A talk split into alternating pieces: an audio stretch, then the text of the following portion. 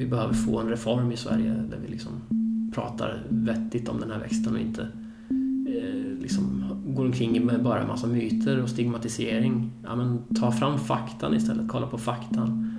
Mm. Och faktan säger ju helt andra saker än vad vi har fått lära oss i skolan i alla fall om vi säger så, om den här växten. David Appelgren är hampaodlare, föreläsare och ordförande för Svenska Hampaförbundet. Jag som gör den här podden heter Malin Rotenborg och i det här avsnittet pratar vi bland annat om komponenter som gör den svenska CBD-marknaden till lite av en djungel. Vi pratar om bluffmakare, besvärliga myndigheter, varför Hampaförbundet kom till och vad David hoppas kunna åstadkomma för framtiden. Men innan vi börjar vill jag säga till den som eventuellt undrar att jag har inga dolda finansiärer i form av aktörer inom exempelvis cannabisindustrin som betalar mig för arbetet med den här podden. Och jag tänker att det kan vara bra för dig som lyssnar att känna till det. Med det sagt, stort tack till er kära lyssnare som stöttar via Swish. Förutom Swish finns nu även möjligheten att bli regelbunden supporter via Paypal. Eller poddens helt nya Patreon-sida. Där finns även extra material såsom min senaste mejlkonversation med Läkemedelsverket. Länkar finns i infotexten till avsnittet. Du är ordförande för Svenska Hampaförbundet, du är mm. hampabonde och du är hampaföreläsare. Ja, det stämmer. Vore det fel att säga att större delen av din tillvaro består av hampa? Ja, men det är nog en ganska så korrekt observation i alla fall senaste tre åren eller sånt så har det varit väldigt mycket hampa i mitt liv. Mm. Hur började ditt intresse för hampa? Uh, bra fråga. Även när det gäller just hampa så var det att jag var och besökte en bonde i Grästorp som, som odlade hampa. Och eh, Grästorp passande nog såklart. eh, men, eh, nej, men jag träffade på honom, vad kan det ha varit, 2016 eller något sånt så, så sa han att han är, en, han är en av fem bönder bara som odlar hampa i Sverige, sa han. Och eh, jag är en sån här som gillar underdogs liksom, så att jag kände att om hampan ligger i sånt underläge i Sverige då måste vi liksom göra någonting åt det. Och, och sen är det en sån himla fantastisk växt med, liksom, en sån vacker växt och en växt man kan göra med så, så mycket med. Så då var det så här, men det här måste jag börja odla också såklart. Och jag har ju lite mark så att då kunde jag börja odla nästa säsong. Okej. Okay. Mm. Så du började alltså odla hampa för? 2017 var det jag började odla första mm. gången. Testa odla lite. Och vad, hur mycket hampa odlar du? Um, I år, eller vad blev det, 2018 så var det ju 8 hektar totalt. Okej. Okay. Mm. Um, nu i år har jag inte bestämt än, 2019, hur, hur mycket det ska bli igen, men vi får se. Mm. Och vad är det för hampasort du odlar? Eh, förra året så odlade jag tre sorter. Den ena är Finola och den är ju vanligaste bland svenska bönder att odla Finola för en kortväxande sort. Eh, sen odlade jag Fedora 17 som är en fransk sort, högväxande. Eh, alla andra sorter förutom Finola är ju högväxande. Men, och sen även då Carmagnola, en italiensk kulturgröda mm. som är flera hundra år gammal. Och den odlar jag mest för att den har eh, i alla fall om man tittar upp online på hampa innehåll så är Carmagnola den som har högst CBD-halt av alla sorter som är godkända inom EU. Så det var varför jag ville prova att odla den. Mm. Eh, och det finns ju väldigt, väldigt mycket olika sorters cannabis och hampa. Mm. Hur många, för de som egentligen inte ens vet skillnaden. Eller alltså hampa tillhör mm. ju cannabissläktet. Mm. Men vad är det som särskiljer det som vi kallar för hampa? Ja, jättebra fråga. Nej, men egentligen så kan man säga att det är inte så jättemycket som skiljer alls. Det är egentligen bara procentnivån på, på THC och sånt som är skillnaden egentligen. Det är samma växt, samma... Alltså så. Mm. Men eh, lättaste vad man kan säga som en liknelse är att man kan jämföra eh, paprika och chili. Det är mm. samma familj, men chilin är mycket, mycket starkare än paprikan, men det, det, är samma familj. Och det finns ju till och med paprika som ser ut som chili, men bara smakar paprika. Liksom. Eh, så lite så kan man säga att det är liksom två i samma familj, men den ena är mycket starkare än den andra. Så kan man säga om alltså, att marianan, som man kallar det för, är mycket starkare än, än hampan. Eh, det är väl liksom den, den stora saken som skiljer dem åt. Men oftast är ju då hampan, industrihampan gjord av sativa då, alltså inte indica utan sativa. Eh, så det finns ju tre huvudfamiljer av cannabis kan man säga. Det är indica, indica är den indiska varianten som man kan bli hög på. Sativa kan man också bli hög på men, men sativa är många hampasorter som är också som man inte då blir hög på. Mm. Och sen har du ruderalis som är en vildväxande sort från eh, Asien. Då. Men eh, ja, sativa är ju liksom standard att, att, att, att en hampa är. Sen är det ju liksom, tyvärr är det ju, alltså i modern tid har ju människan korsat alla de här tre sorterna hejvilt liksom. Mm. Så det är svårt att säga att någon är ren eller den här är bara sativa eller den här är bara indica. Det har ju blandats verkligen rejält. Så att det finns inget, tyvärr inga lätta svar att säga heller vad är skillnaden på vad och vad. Men i alla fall styrkan är ju det som avgör i alla fall. Att industrihampa har ju under 0,2% THC. Det är ja. det som är liksom grundregeln för industrihampa. Men sen kan jag inte odla vilken sort som helst bara för att det är EU som bestämmer. Det finns 60 sorters hampa, industrihampa som vi svenska bönder får odla. Okej. Okay. Mm. Det är rätt många sorter ändå. Jo, det är det mm. Absolut. När du skördar din hampa, vad gör du med den sen? Um, då ska den ju torkas såklart. Dels så skördar vi ju frön för att kunna göra um, pressa hampafröolja utav och även kunna uh, sälja frön. Det är ju många som vill ha det i sallader och göra hampamjölk och allt sådär, hampamilkshakes och, och sånt. Uh, sen är det ju blommorna som vi skördar också och de har vi faktiskt skördat för hand i år och det har varit väldigt mycket jobb. Ehm, så för att göra liksom bara några, vad kan det vara, alltså en flaska CBD så kanske det går åt nästan ett kilo blommor i sin, sin råa form och sen så torkar man det så kanske det blir 100 gram eller någonting. Liksom. Mm. Så det går åt väldigt mycket blommor och mycket arbete så det är därför som ofta som man, man ser CBD är ganska så dyrt om man säger. Det är just en av anledningarna. Och du gör alltså CBD också? Ja, det är, det är de flesta bönder, alltså alla hampabönder gör CBD. Någon, vad jag vet, de som jag träffar på i alla fall. Mm. Till, alltså, I mindre skala oftast. Och hur gör man det då? Um, ja, det finns ju säkert tusentals recept online men liksom uh, huvudgrejen för att kunna utvinna CBD Alltså, det är ju egentligen kanske lite missvisande just CBD, namnet, att CBD-olja i och med att det är alla ämnen egentligen från hampan som man utvinner. Eh, det finns ju minst 113 olika cannabinoider, troligtvis mm. ännu mer. Eh, så man utvinner alla de här oftast då antingen i till exempel en olja eller en alkohol och sånt. Mm. Och sen är det värme som går åt också för att kunna omvandla för att i sin råa form så har är CBD CBDA som är, står för acid, liksom. det är en, en syra. Eh, och sen genom värme så omvandlas det till CBD. Så den, eh, det är det man kan säga grundprinciperna bakom CBD, att man har antingen alkohol eller, eller olja och utvinner i. Eh, sen, sen finns det ju sådana som utvinner i andra länder med CO2 och sånt eh, också. Eh, det finns ju olika, och det finns ju en del som utvinner i liksom, ja, lösningsmedel och sånt med och det, det, är inget som jag känner mig bekväm vid. Liksom. Ska det, det, ska vara någonting man kan äta i så fall, annars ska det, får det vara tycker jag. Det finns tyvärr en del amerikanska oljor och sånt som de liksom utvinner i lösningsmedel. Liksom. Mm. Mm.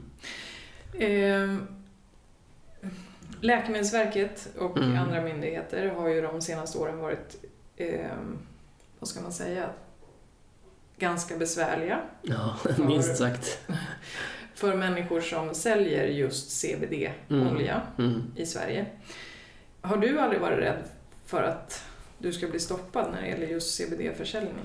Uh, nej, eller alltså både ja och nej, men framförallt nej skulle jag vilja säga för att jag tycker inte vi ska låta oss skrämmas av myndigheter. Då, är vi, då tillåter vi oss själva vara svaga, då tillåter vi oss själva vara en knähund till myndigheter. Mm. Eh, är det knasiga lagar, då ska de trotsas faktiskt. Det är min policy.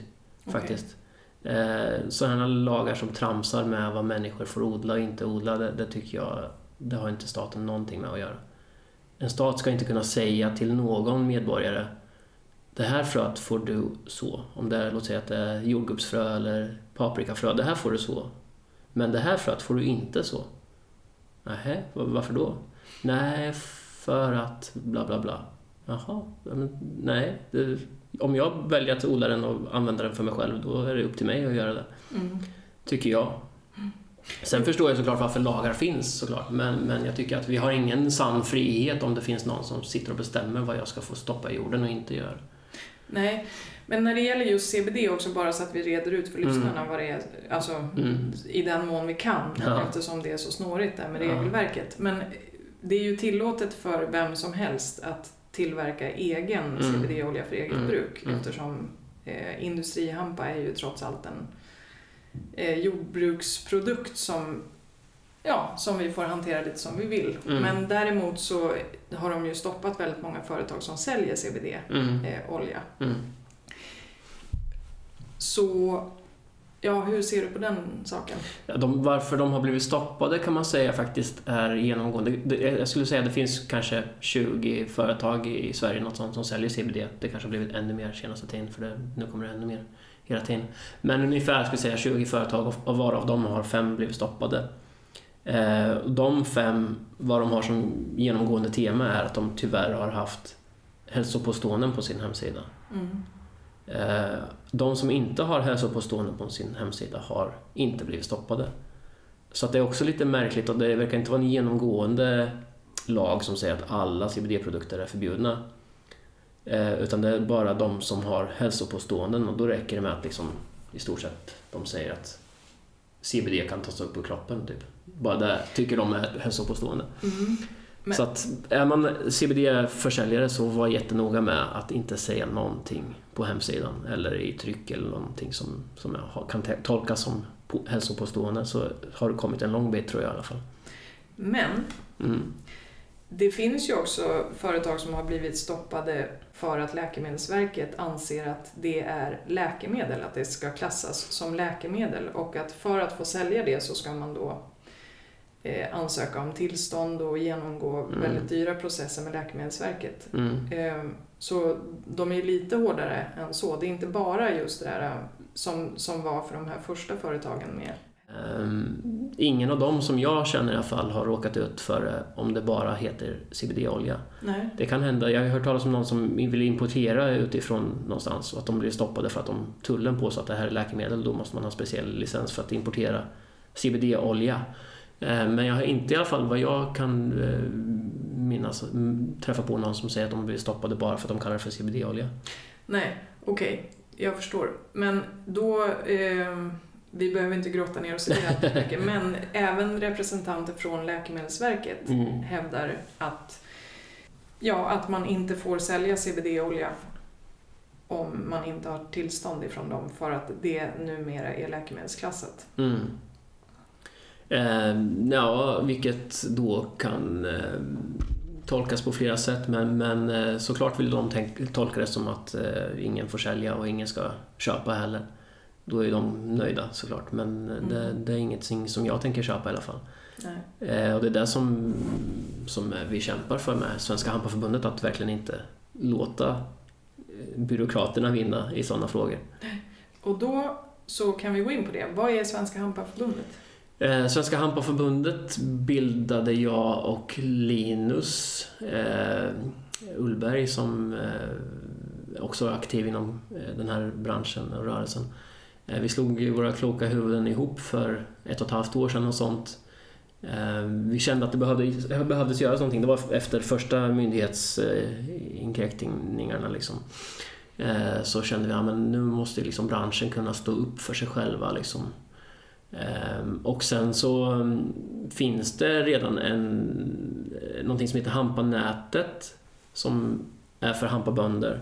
Men eh, de vill inte riktigt ta i den här frågan med CBD-olja, tyvärr. Och då finns det ju då många företagare och bönder som håller på med CBD-olja som känner att Nej, men vi måste också kunna få göra vår röst hörda. Liksom. Vi måste kunna gå ihop. Och då kände jag, men då gör vi det. Då, då ställer vi oss upp tillsammans liksom, och, och eh, står upp för CBD-oljan. Mm. Den ska inte, det ska inte trampas på liksom. Eh, och även då stå upp för, för hampan i allmänhet också. Så då sa vi att vi bildar Svenska Hampaförbundet för liksom det är för alla som sysslar med hampa och även alla som vill stötta hampan. För att det är ju tyvärr så att myndigheter klampar i, i klaveret mm, lite här och där när det gäller hampa. Eh, och eh, då måste vi stå upp som en branschorganisation för att det är lätt för en myndighet att, att trycka ner ett företag åt gången och säga ni får inte göra så, ni får inte göra så. Men det är väldigt svårt för dem att säga till en hel bransch och säga ni får inte göra så här. Så det är där vi känner, liksom, är vi en stor bransch som står, står ihop eh, Eh, så, så är det mycket svårare för en myndighet att säga att vi får inte göra så och så. Utan då står vi och säger, säger snarare att vi är en bransch med så här många hundra personer och vi måste ha ett jobb och vi måste kunna leva på det vi odlar. Det finns ju ingen annan som odlar, låt säga om, om jag skulle odla morötter och sen helt plötsligt kommer det någon myndighet och säger att men du den här morotsblasten den är läkemedelsklassad nu, nu får du, nu får, du nu, nu får inte du liksom sälja morötter för det. Jaha, men vadå, jag, odlar ju mor, jag är morotsbonde, jag måste ju kunna få sälja mina morötter för det. Mm. Nej, det får du inte göra för det är läkemedelsklassat. Och då, är, då, är det liksom, då inser man ju hur befängt det är om man gör en sån liknelse egentligen. Mm. Att du får inte sälja vissa delar av plantan. Var, vadå, varför, varför inte? Eller vissa beredningar då ja. när det gäller just hampan. Ja, mm. precis. Men, eh, och vad, vad, hur kan det se ut konkret då? Alltså när ni står upp för... Um, ja men nu vet jag inte när det här kommer sändas. Kommer det sändas om, vad tror du, om den här just avsnittet? Är det liksom nära, nära inpå eller är det... Ja, ganska. Ganska nära inpå. Nej men det vi håller på med just nu i alla fall i talande stund i, i februari här 2019 eh, så är att vi håller på med tillsammans att skriva en överklagan till Läkemedelsverket som en branschorganisation. Mm. Och förklara vad vi vill med plantan och vad, hur vi ser att våra rättigheter borde skyddas som bönder och som producenter och som individer också. För vi står upp för individerna med. Att gemene man ska ha rätt att kunna köpa CBD-olja i en gårdsbutik eller i en hälsokostbutik om han vill eller hon vill. Eh, det, det är ingenting som, som någon myndighet heller ska ha ett smack med att göra tycker jag. Det, då är det ingen frihet heller. Det, det liksom, ska man, och då, som de säger då att ja, men det är läkemedelsklassat. Och det, just det, det kan vi reda ut liksom att när en myndighet läkemedelsklassar någonting, det har de gjort ofta med liksom olika former av naturpreparat. Eh, ofta också då, inte de som är bara halvbra utan oftast är det de som är väldigt bra. Då ger de sig på och säger nej det här är läkemedelsklassat. Mm. Och då är det en del som hyllar och säger ja äntligen är det läkemedelsklassat för då betyder det att då har ju staten erkänt att det är verksam, verksamma ämnen det. Liksom. Mm. Men så funkar det inte utan när en stat läkemedelsklassar någonting så är det egentligen samma sak som att plocka bort det helt från marknaden. För att liksom, låt säga de har gjort så med Maria-tistel har de gjort det för ja, några år sedan. Maria-tistel och det är bland annat bra för att rensa ut eh, levern och njurar och sånt. Um, Oerhört potent. Ja. Och den tistel, en vanlig tistel liksom. Och då kan tydligen myndigheter komma och säga att det här är ett läkemedel. Men, och då tänker jag, då kanske en del säger, ja men vad bra att den är hyllad, att nu är den klassad som läkemedel. Men då betyder det att det finns ju ingen läkare som skriver ut Maria-tistel. Om du går och säger, jag har problem med levern eller ja då ska du ha 10 gram Maria-tister liksom.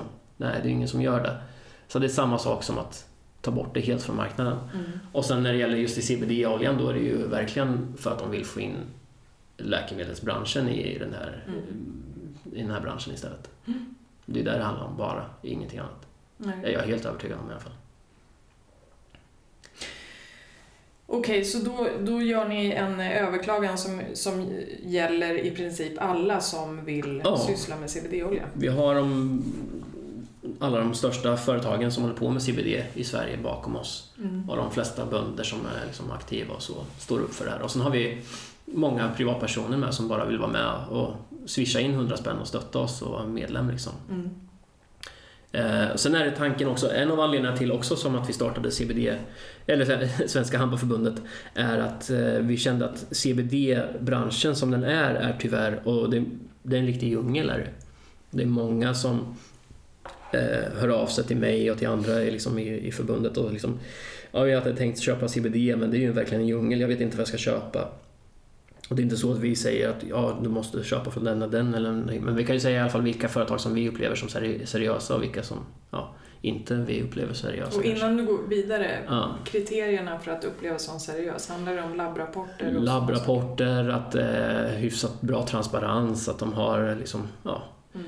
Eh, och tyvärr finns det ju en del skojare som har tagit sig in på marknaden. Det finns mm. ju tyvärr i alla branscher skojare. Liksom. Eh, men eh, det är ju kanske just när det, när det gäller CBD, de märker att ja, men det här kostar ju en slant ändå och då finns det lite pengar att tjäna. Mm. Så är det tyvärr en del mindre seriösa företag som har tagit sig in på marknaden och när vi har gjort analyser av en del de här tillverkarna så om den, de kanske påstår att det är 10% starkt och så är det 2,5% starkt mm. i själva verket. Och då är ju det, nästa steg efter att vi har överklagat till myndigheterna så kommer vi även då börja, som i stort sett en civil verksamhet. Alltså att alla seriösa företag som vill väl med sina kunder och vill vara transparenta och säga att så här starka är våra oljor på riktigt. Liksom. Då kommer de få det här sigillet, liksom, vara anslutna. Och sen alla liksom, kunder som då är ute och handlar, shopping, shoppar på internet eller vart det nu än är. Om de ser det här sigillet eller om de ser, kan gå in på vår hemsida och se vilka företag som är anslutna till den här kontrollverksamheten som vi har då. Och den kontrollverksamheten, det kan ju låta lite, lite hårt men det är faktiskt, det behövs ju för att det kan ju som sagt vara någon som påstår att en, en olja, CBD-olja är 15% och så kanske den är 1% för det är, ja. en privatperson kan inte kanske se skillnaden eller märka skillnaden. Nej. Och då är det så att då kommer vi göra labbrapporter på alla de här som är, företagen som är anslutna och även göra då eh, blindtest. Liksom, att, eh, ta, ta liksom, utan att de vet om att ta, nu skickar vi in deras flaska. Liksom. Mm. Eh, och kollar det är ju otroligt ja. värdefullt idag. Ja, men det behövs ju verkligen. Mm. Och på det sättet så också tror jag att man eh, kommer runt en del av det, de klagomålen som myndigheter har haft. Myndigheterna, och det kan jag förstå också, jag kan hålla med dem om att de säger att ja, kunderna vet inte vad de får. Nej. Nej, men då, om vi jobbar med det här då kan de inte påstå det längre. Nej. Bra initiativ. Mm. Jag kan ju tänka bara fantisera om att Läkemedelsverket då anser att det är ju myndigheten för att just kontrollera sånt mm. som är läkemedelsklassat. Mm. För det påstår de ju ofta, eller i alla fall när jag har varit i kontakt med representanter från Läkemedelsverket, mm. att det är inte sällan som de säger att det är ofta sjuka människor som vänder mm. sig till olika företag och köper CBD-oljor med eh, löften om att det ska vara bra mot mm. både det ena och det andra. Mm. Eh, ibland även saker och ting som inte är belagt vetenskapligt eller mm. testat och sådär mm. när det gäller vad det har för... Det kan jag ju säga rent allmänt, om du är som kund inne på en hemsida och det står på sidan den här CBD-oljan är bra för det och det, den här CBD-oljan är bra mot epilepsi, den här... Då skulle jag dra öronen åt mig och liksom att ja, men det här kanske inte är så seriöst. För att är du seriös CBD-tillverkare så, så säg, säger du inte vad den är bra för faktiskt. För att det, det får du upptäcka själv i så fall. Mm. Tycker jag. Eh, det var ju ett eh, tyskt företag nyligen här nu som hamnade i trubbel som hade jättemycket sådana påståenden på sin, sin sida. De kallar sig för ett nordiskt klingande namn kan man säga. Fast de säljer en olja som kommer från Slovenien och så är det ett tyskt företag som exporterar till Sverige och så, så får de det att låta som att det är ett svenskt företag fast det inte är det och sen har de massa med hälsopåståenden. Det är bara ett, också ett sånt exempel. Så jag vet ju för sig alltså själva det företaget som är i Slovenien är seriösa men ändå det här med att liksom, man försöker ge ett intryck av att det är en svensk producerad olja och sen är det ett tyskt företag från, som säljer grejer från Slovenien. Det är liksom, ja, tyvärr så. Mm. Men eh, ja, det blir... Eh, det kommer bli självrannsakan i branschen med, är jag övertygad om. Liksom. Men tyvärr så kommer det ju... Det kommer alltid finnas några ruttna ägg i, i branschen med. Mm. I alla branscher. Men är det ditt, har du några fler tips för konsumenter där ute? Alltså saker att tänka på när man vill testa CBD-olja och sådär? Um, ja, goda omdömen från vänner och sånt kan ju vara väldigt bra vägledning också. Mm. Att om du har en granne som har tagit den där oljan och han säger att den funkar bra, ja men prova med den då. Mm. Eh, känner man ingen som har provat, ja men då får man väl kanske kolla runt lite, googla på nätet, läsa i forum och inte bara köpa de här flashiga annonserna eller vad det kan vara liksom, utan gör ditt arbete. mm. Och sen så kan man ju tänka på också om det är någon, det finns en del tillverkare som går ut och säger att våran olja är den bästa på marknaden. Mm. Skriver någon så, då skulle jag också lägga benen på ryggen tror jag. För att det finns inget sätt att säga eller bevisa på att just den här oljan är den absolut bästa på marknaden. Dels så är det så många oljor som görs på i stort sett samma sätt. Eh, på, från samma växter. Eller även om de kommer från olika växter, hur vet man vilken växt som är bäst? Det är omöjligt att veta för alla växter är olika. Liksom. Så eh, jag tror inte det lönar sig att vara för kaxig heller. Och det är i hampabranschen här, som, som den, den, delen som jag kan vara med och styra lite i, i alla fall Svenska Hampaförbundet och de som är anslutna där, så säger jag till alla liksom att vi pratar inte illa om varandra i branschen. Vi är kollegor, inte konkurrenter. Och eh, vi påstår inte att våran olja är bättre än någon annans. För då är vi ute och cyklar om vi påstår att min, min är bättre än din. Mm. För det finns inget sätt att bevisa det på faktiskt. Om man inte har medicinsk studie på det som har liksom gjorts under flera år på tusentals personer, då kanske man kan komma fram till vem som är bäst. Mm. Men det har, de har, det har inte gjorts hittills på någon CBD-olja, vad jag känner till i alla fall. Så att, då kan man inte gå ut och säga att min är bäst eller den är bättre än den eller den är den. Nej. Och det är också en uppmaning till om det finns någon som lyssnar på det här som håller på med CBD-olja att liksom, det är inte seriöst att påstå något sånt. För att det, det, man kan inte vara bäst. Eh, annars, vad kan man ha mer för tips? Eh, det ska vara fullspektrum i min upp, uppfattning då. Vad Eh, betyder det? Fullspektrum är att det har alla ämnena i plantan. Eh, I alla fall så alla ämnen som, har, som går att extrahera. Sen kan man ju inte säga att, liksom att eh, man kan inte vetenskapligt bevisa att alla har exakt alla, det kan vara liksom tusentals ämnen egentligen som finns i hampan, att exakt varenda en har kommit in. Men fullspektrum är i alla fall att man vet att, att i stort sett all, alla ämnen som är verksamma är med i, i, i oljan. Ehm, Och det ser man på labbtester? Ja, men det finns ju en del som säljer då THC-fri olja. Vilket jag tyvärr faktiskt tycker är trams. Det finns ingen som helst anledning att köpa en olja som har ingen THC i. Ehm, för dels att THC är ett, ett väldigt viktigt ämne i sig. Som har också då intressanta egenskaper. Om man tar bort en THC, då är det som inte säger att andra ämnen också försvinner som är nyttiga. Eh, så det finns en del tyvärr amerikanska aktörer som börjar ta sig in på marknaden i Sverige och så säger de att ah, alla svenska oljor eh, är oseriösa för vi har ingen THC i våran. Och det är deras sätt att försöka ta sig in på marknaden. Vadå, är vi oseriösa för att vi har THC i som, är, som finns naturligt i växten och har sin egenskap, sina viktiga funktioner där. Eh, Då är man nog ute och cyklar tycker jag. Och då, då säger de ja men THC är narkotikaklassat. Nej, det är inte narkotikaklassat om det finns i hampa. Så att, eh, det stämmer inte heller. Det där får du förtydliga för lyssnarna. Ja, alltså THC i sig är ju narkotikaklassat eh, enligt svensk lag, men det finns ett undantag i lagen som säger att kommer THC ifrån industrihampa så är den laglig. För att hampan i sig är ju laglig. Så att om den är under 0,2% THC så är det lagligt. Mm. Mm. Så kan man säga. Mm. Så att eh, de, hittills har jag inte sett något amerikanskt företag som Jo, jo, det finns en i alla fall som jag vet som är liksom seriös. Så, men det finns tyvärr en del amerikanska företag som har kommit in på marknaden som inte jag tolkar speciellt seriöst i alla fall. Som säljer väldigt utblandade oljor och väldigt svaga. En, en som säljs nu som börjar, alltså pyramidspel. Liksom pyramidförsäljning. De säljer en olja som är 0,9% CBD eller någonting och så tar de väldigt mycket pengar för det.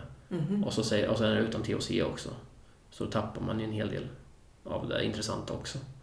Men går de ut då med att det är 0,9? Nej, det gör de inte. De skriver ju milligram och sånt så att kunderna inte fattar styrkan. Ja, men det där kan vi också gå in på. Alltså, för det där kan ju vara väldigt rörigt Mm. som konsument att förstå vad de där grejerna Mm. betyder. Milligram och procent och hit och Mm. dit. Alltså vad ska man ha, hur ska man tänka med det?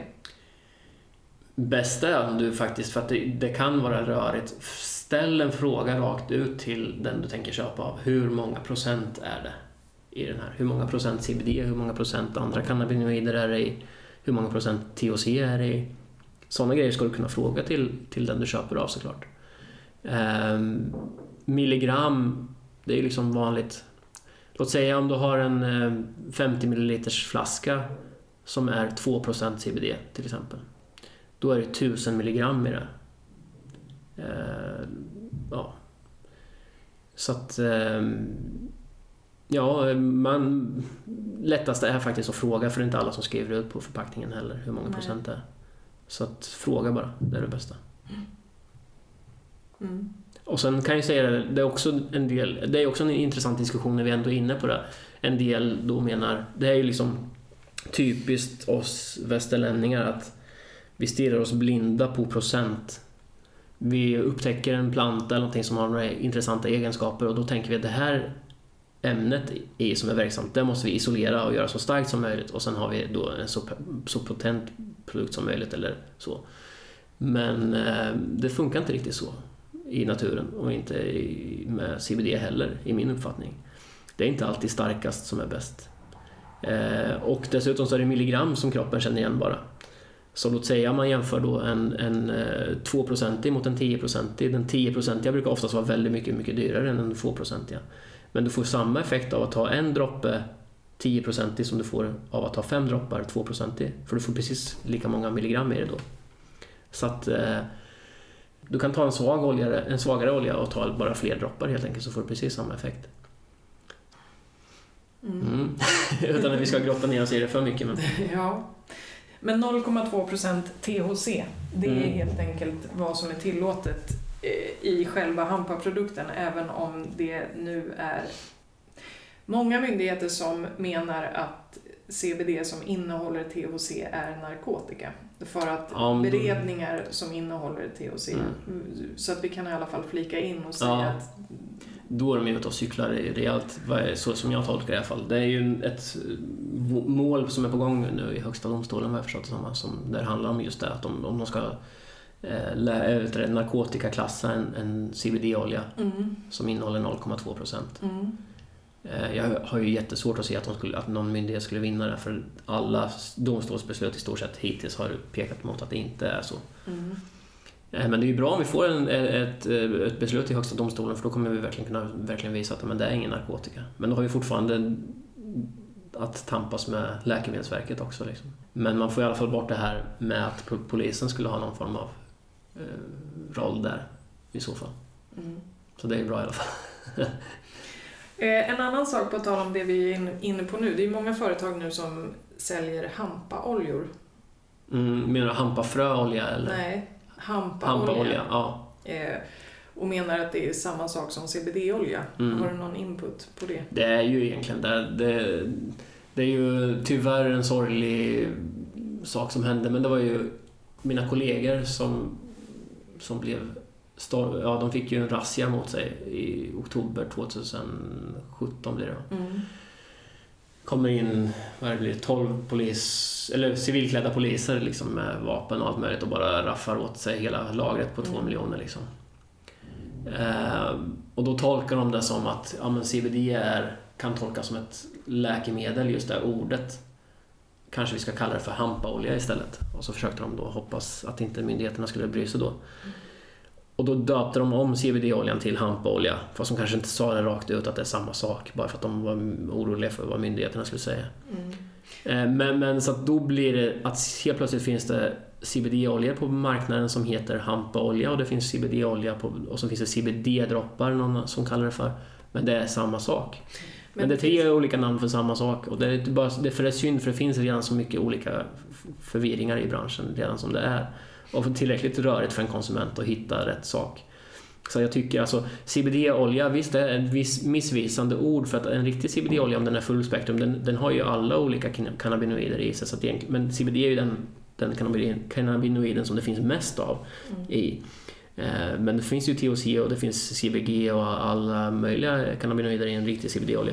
Men eh, eh, vad ska man säga, det är ju ja, det är dumt att det, att, det, att det finns så många olika namn för det men CBD, CBD oil är ju vad det kallas för i alla andra länder. Mm. Så då tycker jag att vi kan försöka hålla den standarden i Sverige med. Men jag tänker också att det finns en risk med det här därför att det finns ju också hampaolja som inte är Mm. CBD-olja. Hampafröolja. Ja, Antingen så utvinner man blommorna i en, låt säga kokosolja eller olivolja. Mm. Då får du en CBD-olja eller som vissa kallar för hampadroppar eller hampaolja. Sen har du ju fröna som faktiskt förvirrande nog kanske sitter i blomställningen men Mm. man skakar av dem kan man säga med tröskan. Fröna pressar man och får en hampafröolja som är rik på omega-3 och sånt. Eh, Så det är två olika oljor, det är de två man kan göra i stort sett från Mm. hampan. Okej. Mm. Så det finns ingen hampafröolja som kallas bara hampaolja? Tyvärr, det är det som är så synd. att Jag hittade i en hälsokostbutik en gång en, en, en, hampafröolja som det stod hampaolja på bara. men det är det jag menar. Och det är det finns som är ja. sorgligt att, det- att, det, att det blir så förvirrande då. För då finns det både hampafröolja som säljs som hampaolja och det finns CBD-olja som säljs som hampaolja. Och det blir ju bara jätteförvirrande. Jag hoppas att jag inte har fintat bort alla i lyssnare nu bara för det. Men, men ja, försöka göra så tydligt som möjligt att ja, är det liksom en halv liters flaska då är det nog handlar om hampafröolja och är det liksom kanske en 20 milliliters flaska då är det nog någon form av CBD-olja. så kan man väl säga. För det, fin- det finns ju, det har jag ju sett liksom på forum och sånt, på Facebook och sånt där, där eh, folk har köpt okunnigt, eh, varit på Coop eller något och titta jag hittade en halv liter CBD-olja för eh, 125 spänn. Shit vad billigt. Mm. Och så är de skitglada tills de inser att oj, det var inte det. så att, eh, ja.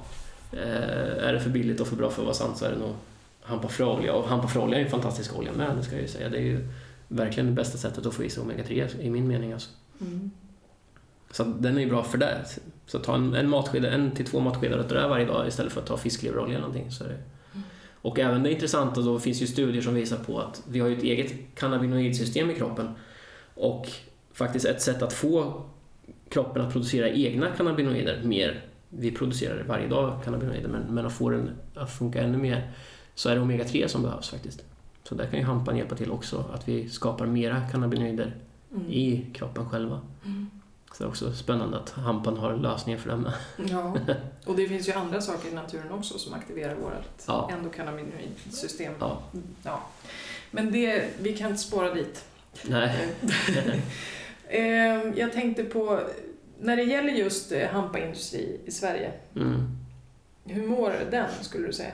Ehm, hittills, fram tills, tills jag gav mig in i branschen så kändes det som att de har stått och trampat vatten i 15 år. Liksom. Det vart ju lagligt 2003 i Sverige. Men så har i stort sett inte hänt någonting. Alltså det finns någon bonde som har köpt något beredningsverk, liksom, något småskaligt, men det har inte hänt någonting. Och i stort sett, vad jag ser som är den nack, nackdelen är att de har bara fokuserat på fibrer i stort sett. Fröna och maten har de inte tänkt på så mycket. Och det var där jag kom in i alla fall och började göra matprodukter utav hampa.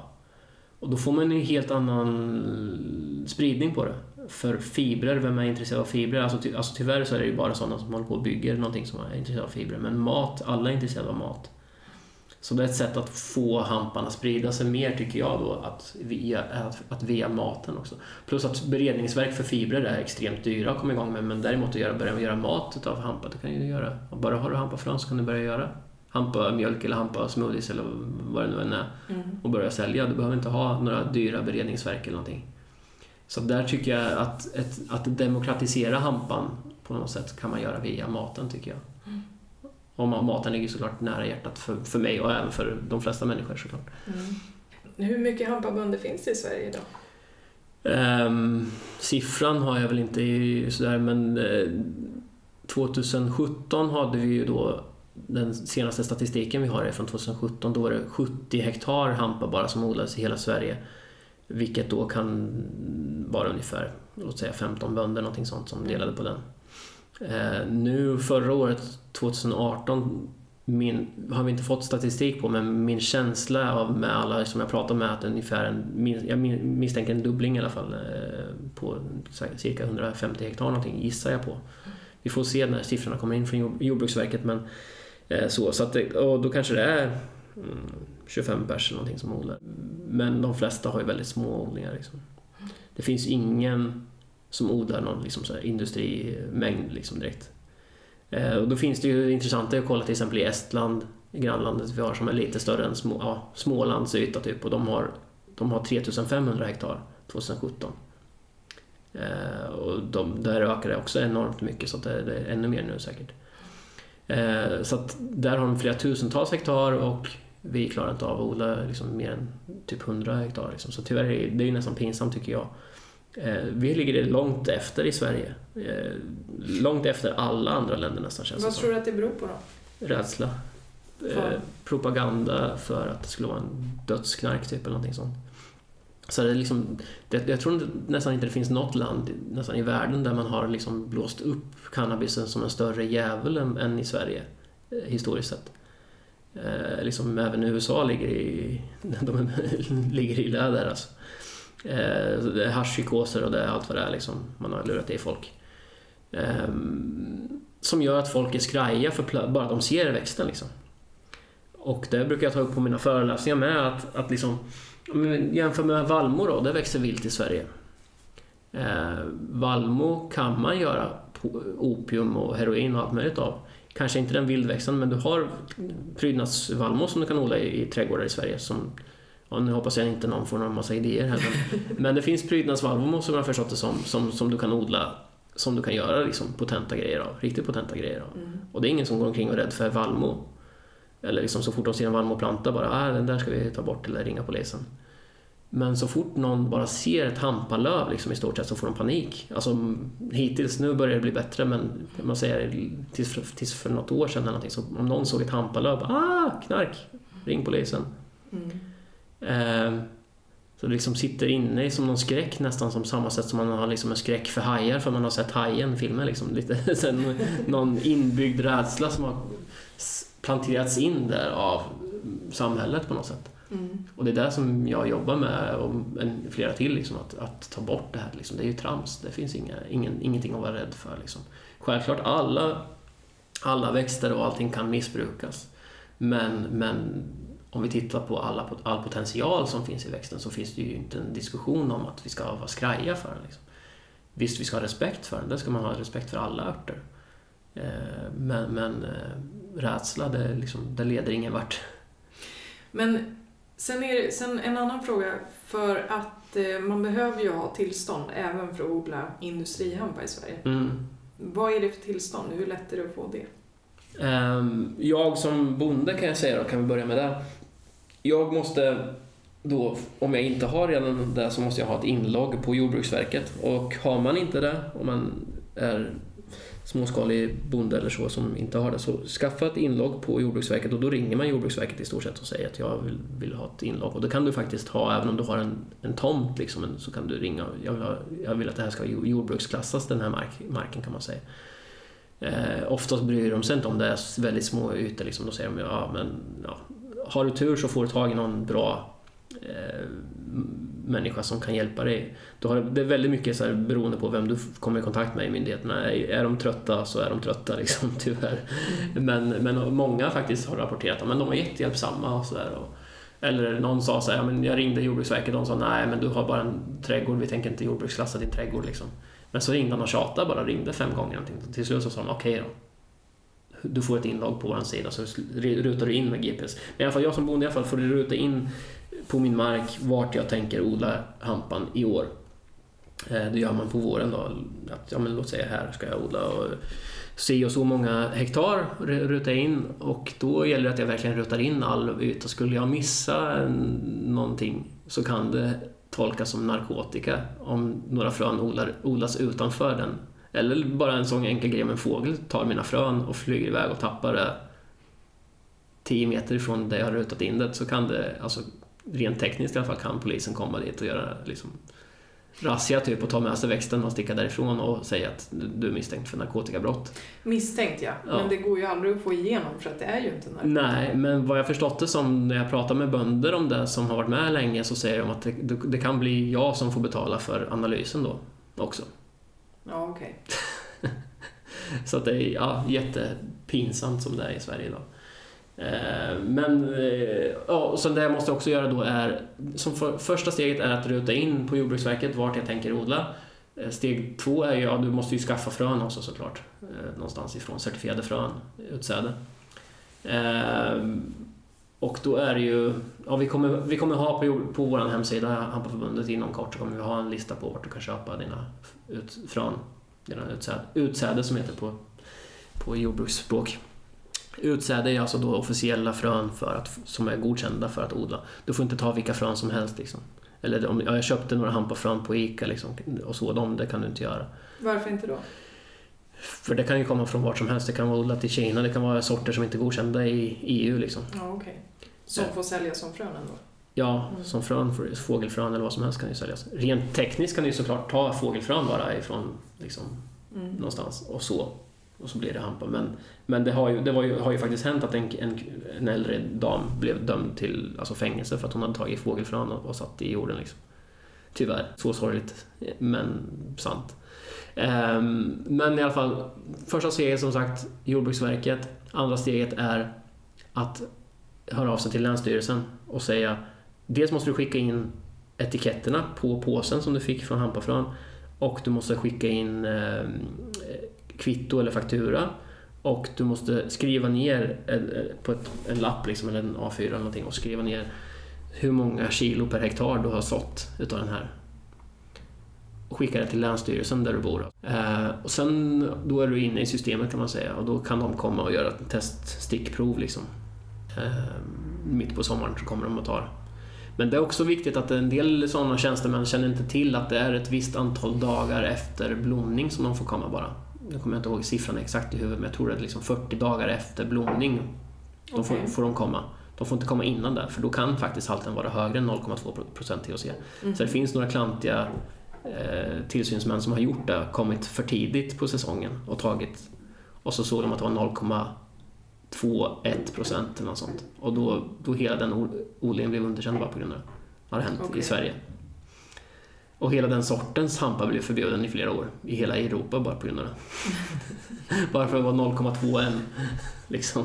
Då, då är det hög nivå på det.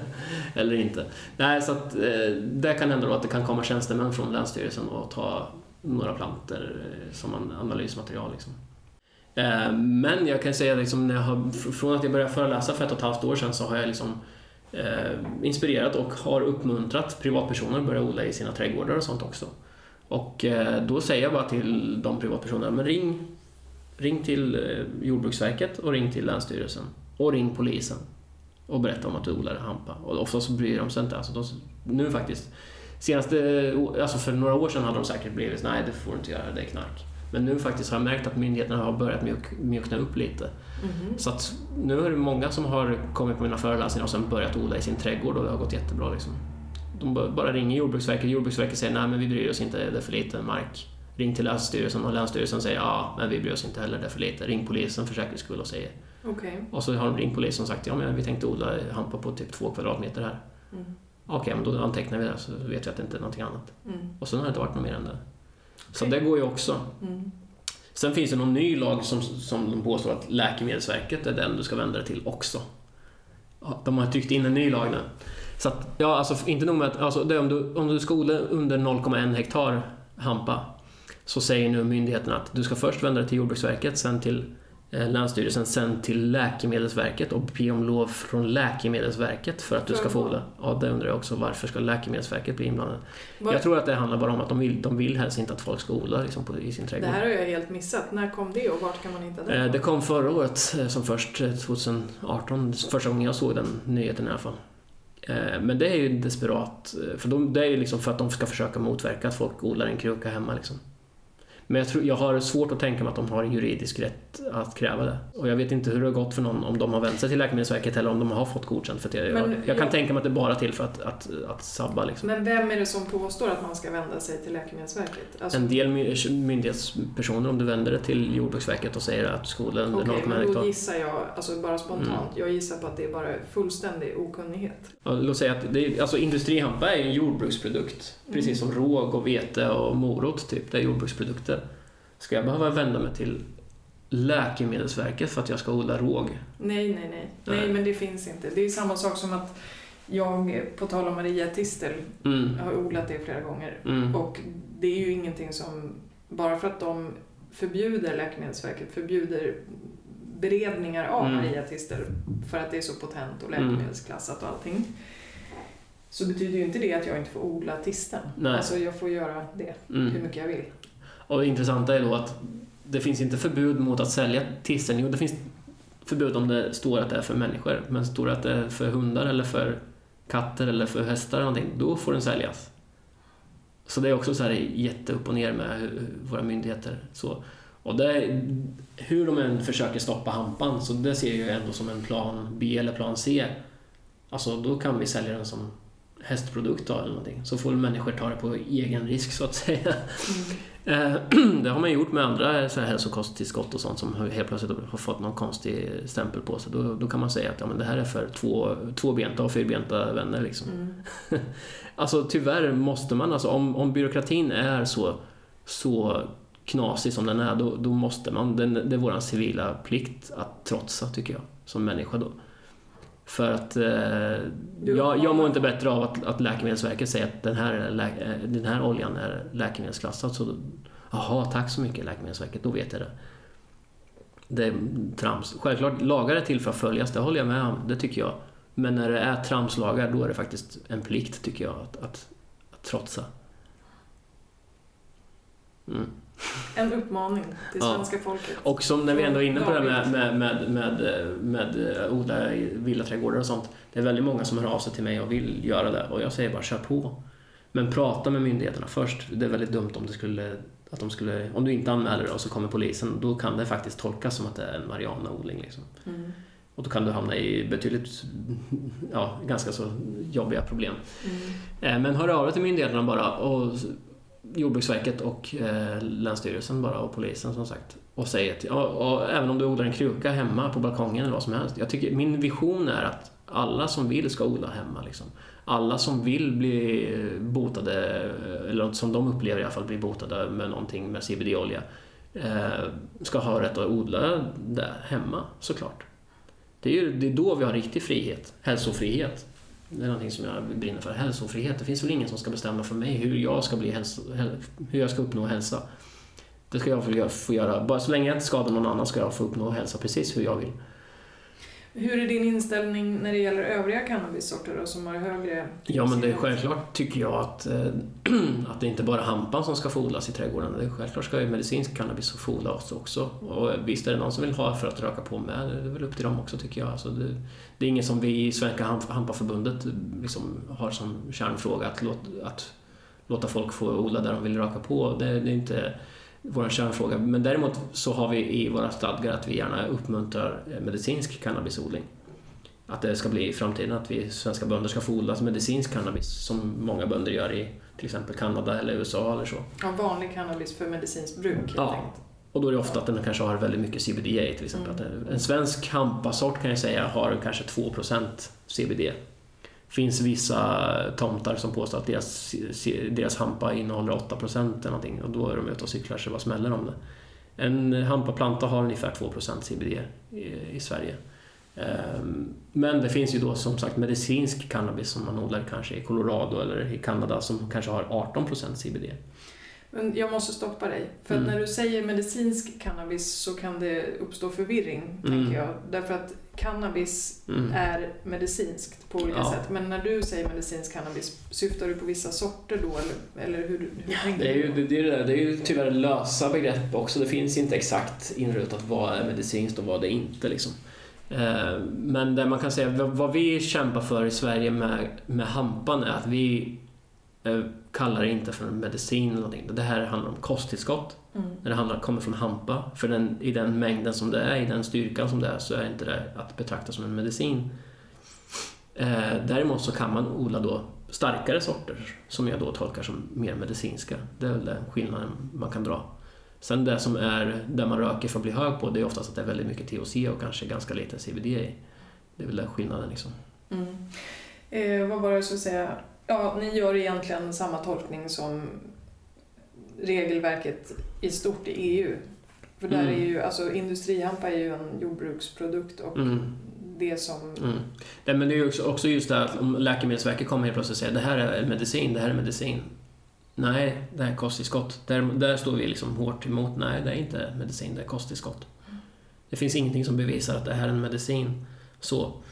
inte i den koncentrationen i alla fall. Sen om man gör en annan beredning då kanske det kan tolkas som medicin. Men, men jag tycker de, de som tillverkas i Sverige av svensk hampa är inte med, att betrakta som medicin utan det är kosttillskott.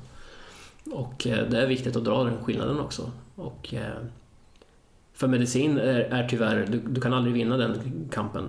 Om, om det kallas, klassas som medicin då kommer det bara säljas på apotek.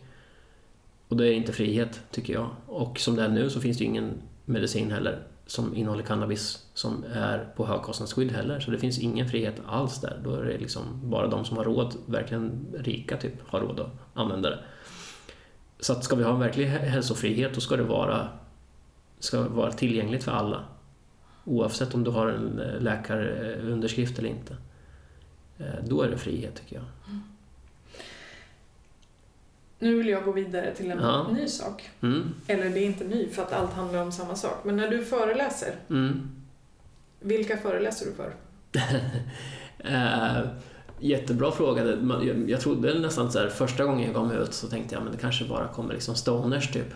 Men det har absolut inte varit så. Uh, vissa, alltså självklart det kommer stoners också ibland, men generellt sett så är det sådana som är hälsointresserade, skulle jag säga, är väl uh, där man kan säga som för dem samman, liksom, att de är hälsointresserade. De, de är intresserade av kost och, och, och näring och sånt. Liksom.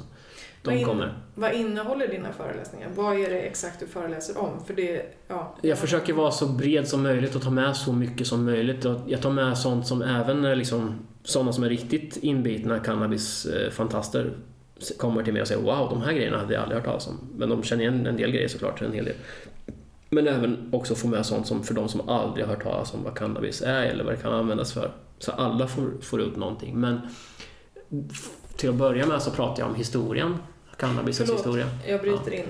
Du kallar, du kallar det för cannabis, det du föreläser om är cannabis. Ja, du alltså, kallar det inte för hampa-föreläsningar? Jag börjar bli lite mer liberal med ordet cannabis. För från början, när jag började föreläsa så här, för, och när jag började göra, hålla på med hampa så var jag väldigt noga med att bara kalla det för hampa för att jag vet att det finns så mycket, liksom in, mycket inbyggd skräck i just ordet cannabis i Sverige. Tyvärr. Mm. Så då har jag bara varit, sagt hampa, hampa, hampa, hampa hela tiden. Men nu ju mer det börjar pratas mer i TV och tidningar och sånt om cannabis så börjar jag bli mer bekväm med att säga cannabis. Inte att jag har någon fobi för cannabis men bara av hänsyn till att folk inte bara ska backa tre steg så fort de bara hör att jag säger någonting om vad jag pratar om. Eh, lite så taktiskt så. Eh, men ja, min föreläsning handlar ju om hampa, men alltså hampa är också ett gammalt urnordiskt namn för cannabis. Det är bara ett annat namn för cannabis kan man säga. Så att det betyder bara cannabis. Det kunde vara både den man rökte och den, den man hade som mm. kläder. Eh, men man kan säga att jag pratar om cannabisens historia eller hampans historia mm. Eh, generellt för att visa hur pass viktig den har varit för våra förfäder. Enormt viktig, en av de mest viktigaste plantorna som finns på planeten. Liksom. Verkligen, bland våra förfäder. De har verkligen högaktat den här växten. Och när folk får se det och att det liksom fram tills ganska nyligen har varit högaktat i Sverige med eh, så, så tror jag, vad jag ser i alla fall, så verkar det som att poletten trillar ner för folk. Oj, är det en så här stor del för mina förfäder, då kan det ju inte vara någonting farligt. Så där, första halvan eh, handlar mycket om liksom, eh, historien bakom eh, hampan och hur den används. Eh, sen är det mycket hur, hur en hel del om forskningen, vad de har hittat för medicinska egenskaper i cannabis och då pratar jag liksom allmänt om cannabis, vad forskarna säger om cannabis. Eh, och sen är det även då vad man kan använda hampan för i framtiden, alla material och sånt man kan göra av hampa. Mm. Så det är väl typ det liksom min föreläsning handlar om, förutom att knäcka myter och såklart. såklart liksom. Och vilka myter handlar det om då, främst? Om att hampa skulle vara knark. Det är väl den så första grejen man får liksom berätta. Nej, men hampa, industrihampa kan man inte bli hög på. Eh, liksom, eh, som jag har pratat om innan och det är säkert en del som har hört, hört mig säga det innan men liksom, ska du röka en cigarett som, för att bli hög på hampa då behöver du röka en, en, en cigarett som är lika stor som en telefonstolpe. Mm. Och då, då har du lite andra problem liksom, om du röker så stora cigaretter. Liksom. Eh, så det, är, det är väldigt viktigt att få det först sagt liksom. För de som sitter kanske i publiken och är rädda för att det skulle vara knark eller någonting. Men de flesta som kommer dit är ju väldigt öppensinnade ändå. Men ändå, jag märker att det liksom är lite... Eh, det får dem att ta ner garden lite när man berättar det. Att det är inget knark, det här handlar inte om knark. Det här handlar om, om en industriprodukt eller en, en jordbruksprodukt liksom.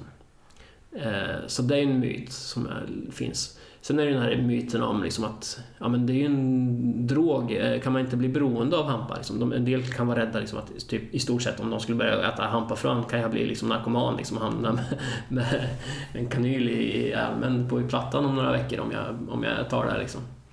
Sådana grejer som har blivit, vi har blivit illurade av våran stat under alla år. I stort sett. Eh, nej, det kan man ju inte bli. Man kan inte, Men menar alltså, du att folk är rädda för det även när det gäller industrihampa? om de inte riktigt förstått vad det handlar om Mm. så är de lite skraja. Mm. Men det här, nu pratar jag om väldigt få personer. De flesta som kommer till föreläsningar fattar ju att hampa inte är någonting så. Men det finns ändå en del som är rädda för att, liksom, att man skulle bli, ja men det är ju en drog, eh, CBD-olja kan man inte bli beroende av det då, för det är ju en drog. Eller liksom så här. Nej, du kan, visst du kan bli beroende av allting. Du kan bli beroende av choklad och du kan bli beroende av rödbetor också om du vill liksom. Om du bara går in för det. Men, men när man kollar i alla fall internationellt sett så är cannabis av all, alla så här, liksom rusningsmedel som används så är ju cannabis en av de lägsta på listan av vad man kan bli beroende av. Men nu hoppar du över till... Ja, nu pratar jag, men alltså är rent, du så här, gör du så här när nu du får- flippar jag lite. Ja, nej men alltså rent, alltså can, cannabis är ju samlingsnamnet för det och ska vi kolla på om det finns någon chans att bli beroende av hampa då, då det närmsta vi kan titta på är ju då marijuanan kan man Ja. säga. Eh, Så eh, marijuanan är ju, säger man rent generellt, att den är inte speciellt beroendeframkallande. Det är mest socialt beroendeframkallande. Eh, Alltså att man har eh, ett beteende snarare som är framkallande, inte just själva substansen som, som är framkallande, eh, eller beroendeframkallande. Så där kan man kolla på först, ja men marijuanan, är den beroendeframkallande? Nej, inte så mycket. Okej, men då är det troligtvis inte så stor risk för att industrihampan skulle vara beroendeframkallande heller. Eftersom den är ännu svagare jämfört, liksom en, en hundradel utav, av den andra sorten Mm. i, i styrka när det gäller THC i alla fall. Eh, Så det är också så här kanske myt man får, får avliva. Och det är jättebra att du flikade in där, för ibland kanske jag är otydlig med vad jag pratar om. Om jag pratar om marijuana eller om jag pratar om hampa eller en- allmänt. Men när jag säger cannabis, då säger jag egentligen en samlingsnamn för all, både hampa Mm. och, och marijuana. Ja, I, brist på, I brist på bättre ord. Tyvärr, Ja. marijuana, jag gillar inte ordet marijuana heller, för det är, liksom, det är, det är ett ord som de myndigheter hittar på i USA. Liksom. Men eh, ja, generellt sett så. Annars, vad finns det för myter mer? Ja, det är väl liksom det med haschpsykoser och allt det där liksom, som folk är kanske är rädda att de ska få. Eller något sånt. Men det är väldigt sällan någon är rädd för det. Man provar CBD-olja liksom. Men, ja. det är väl de, de här vanligaste myterna som finns i alla fall. Mm. mm. Och vad upplever du att människor är mest intresserade av med, ja du får välja själv, hampa eller industrihampa eller cannabis? Var, var, var ser du största intresset? Nej, det, jag, ser, jag, jag ser inte någon, någon, eh, någon gräns att folk säger att jag bara är intresserad av, av hampa eller jag är bara intres- in, intresserad av marijuana. Men jag menar med, med, med eh, cannabis, vi, vi säger med cannabis, vart, vad med cannabis ser du som, alltså att människor är mest intresserade Det är ju hälsoaspekterna, Ja. liksom hur det kan påverka ens egna endokannabinoida system och Mm. diverse åkommor som forskarna i alla fall tittar på och det verkar tyda på att det, det kan ha mycket bra effekter på det. Mm. Det är väl det som folk mest är intresserade av, det skulle jag säga. Mm. Men sen nummer två skulle jag vilja säga är eh, byggmaterial och sånt. Kläder och sånt, det är liksom vad man kan göra med, med hampa. Eh, det är många som blir aha wow, det visste jag inte om man kunde göra så, sådana saker. Eh, rep känner de flesta till att det finns hamparep, liksom, så det är ingen som, ingen som höjer på ögonbrynen för det här direkt. Eh, men sen också mat, att liksom de flesta svenskar har inte smakat någon hampa någonsin. Liksom. Det är också något så här, ja varsågod prova, smaka hampafröolja eller varsågod smaka hampasmör. Så wow, jag har aldrig hört talas om liksom. Men eh, ja, så det är kul att kunna bidra med, med alla de här aspekterna. Mm. Hur tror du fram, framtiden ser ut för cannabis och industrihampa? Och, Mm, om vi kollar på USA har det precis blivit lagligt med hampa på eh, riksnivå i USA. Så där händer det ju extremt mycket nu. Liksom, det bara säger pang där borta. Och det är liksom, de har ju gjort mer på några månader där än vad vi i Sverige har gjort på 15 år. Tyvärr. Där finns ju kapitalet också oftast. mm. Eller i Sverige så kanske det, det finns kapital här med men de har inte satsat på hampa just. Av någon konstig anledning för att det, där liksom, kollar man på, kan, på hampaaktier eller cannabisaktier i, internationellt sett så sticker de ju upp som raketer verkligen. Så att det finns ju verkligen pengar att tjäna i hampbranschen om, om man verkligen ger sig in där. Eh, men eh, alltså jag tror att alltså, hampamarknaden i sig kommer växa enormt mycket de närmsta åren i både Sverige och i andra länder. Eh, och jag blir, ja, varje vecka så är det ett, minst en eller två personer som hör av sig och säger att de ska bilda ett företag som handlar om, på ett eller annat sätt med hampa. Liksom. Eh, så det händer mycket nu i Sverige, mycket som bubblar under ytan och mycket som kommer komma ut det närmsta halvåret misstänker jag. Och sådär. Mm. Sen så kommer jag självklart, jag är helt övertygad om att medicinsk cannabis kommer bli mer brett sålt och använt. Och även, även, kommer det bli, jag tror att det kommer släppas helt fritt, liksom, hela plantan, till alla aspekt. Och, tror du det? I ja, Sverige? Ja, och då, då är det många som säger, men hur ska vi få till det här då? För att med, med, medborgarna vill ju inte ha en cannabislegalisering. Nej, jag tror inte att vi, och inte politikerna heller, de vågar inte röra frågan ens med en eh, två meter lång tång liksom.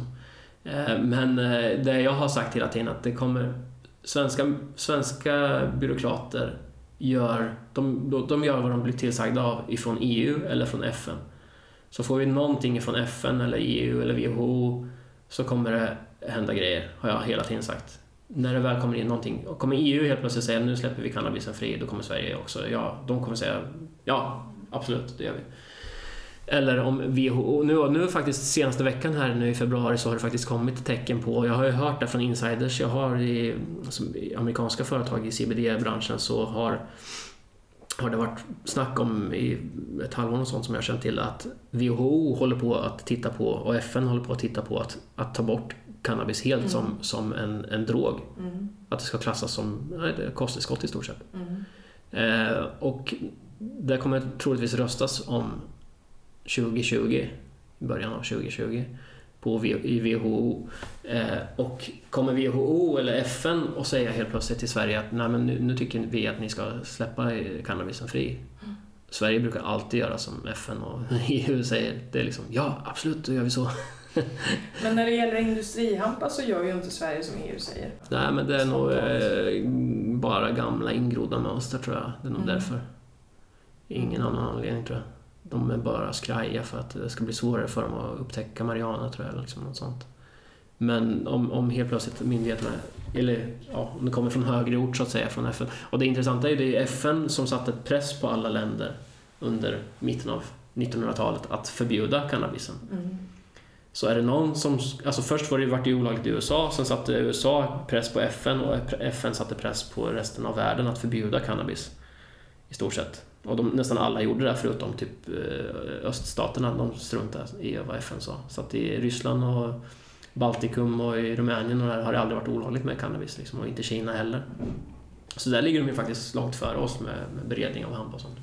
Men i alla fall, eh, så det var i alla fall FN som satte press på att förbjuda. Så är det någon som ska lyfta de här gamla tråkiga lagarna så är det ju FN. Mm. Om de säger ursäkta, vi hade fel. Mm. Så ja, då har vi kommit långt. Och det är det sättet jag ser det, som att Sverige kommer ändra på sina lagar. Mm. Inte genom att folket helt plötsligt säger nu vill vi raka på. Det kommer inte hända, tror jag inte. Så att, ja. Om du får ge en gissning då när det här kommer att ske? En vild gissning? Jag tror inom två år faktiskt. Mm. Det är många som går och ah, vi måste vänta på nästa val och bla bla bla. Nej, vi behöver inte vänta på några val. Det här, det här kommer klubbas igenom innan tror jag. Mm. Mm. Optimistiskt. Om, du, om det blev tillåtet i Sverige, mm. eller när det blir det, mm. är du intresserad av att odla riktig cannabis också? Ja, jag tycker jag odlar alla, alla former av, av, cannabis. Jag är intresserad av att odla, om mm. jag skulle få göra det. Vilket jag tycker att jag borde få göra såklart. Det är ingen som kan bestämma det, vad jag får odla och inte odla, tycker jag. Så att, eh, men visst, jag respekterar lagen som den är nu. Jag tänker inte odla några olagliga saker just nu. Men eh, jag ser att ju fler som börjar odla hampa hemma i trädgårdarna, desto mer normaliserat kommer det bli. Och vi kommer söndra sönder de här tråkiga lagarna som finns, som inte fyller någon funktion tycker jag.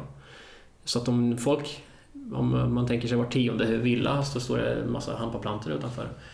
Så till slut kommer inte polisen behöva åka ut och kolla om det, vad det är för någon planta. Faktiskt. Och eh, då får vi frihet, äntligen. Och den här växten får frihet och upp, upp, upprättning för att den har liksom hållits, trycks, trycks ner och hållits undan helt utan anledning tycker jag. Eh, så att, ja, den förtjänar att växa fritt. I min mening. Alla former av den. På sätt och vis är det ett väldigt fint slutord. Ja. Men eh, om inte du har någonting du känner att du vill tillägga? Uh, nej, men vi har väl tagit med rätt, rätt så mycket av det, av det mesta. Och uh, inte för att göra reklam för mig själv så, men, men vill de höra mer så kan de ju komma på en föreläsning om de vill och höra mer fördjupning av vad man kan använda det. Vi lägger in länkar ja. hur, hur lyssnarna får tag på dig. Och... Ja, men jag reser ju land och rike runt och pratar om det här. Och ibland så kommer jag till och med när folk inte ens har råd att anlita mig så kommer jag gratis. Liksom, för jag tycker att det är så viktigt. Ibland, jag ska inte säga att jag alltid gör det, men man får väga av ibland. Eh, men bara för att jag tycker det är så viktigt. Det här budskapet behöver spridas. Eh, vi behöver få en reform i Sverige där vi liksom pratar vettigt om den här växten och inte eh, liksom går omkring med bara en massa myter och stigmatisering. Ja, men ta fram faktan istället, kolla på faktan. Mm. Och faktan säger ju helt andra saker än vad vi har fått lära oss i skolan i alla fall om vi säger så, om den här växten. Eh, så att det, det är många som jobbar på det nu, att ändra på det här men jag gör så gott jag kan i alla fall. Ja, och det gör du bra. ja, tack. Tack så jättemycket för att du kom David. Tack själv.